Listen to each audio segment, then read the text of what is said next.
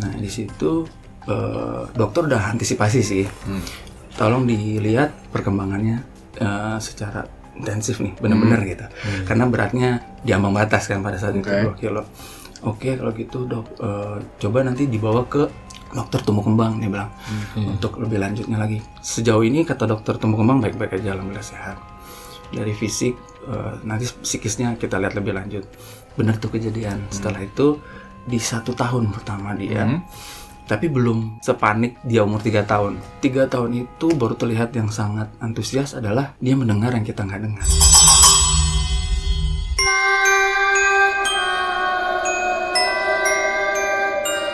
Hah? Wih.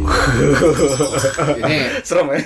sebatas sebatas ge- geser lagi nih sebatas mistik nih bentar lagi. Minum dulu ya. Oke oke.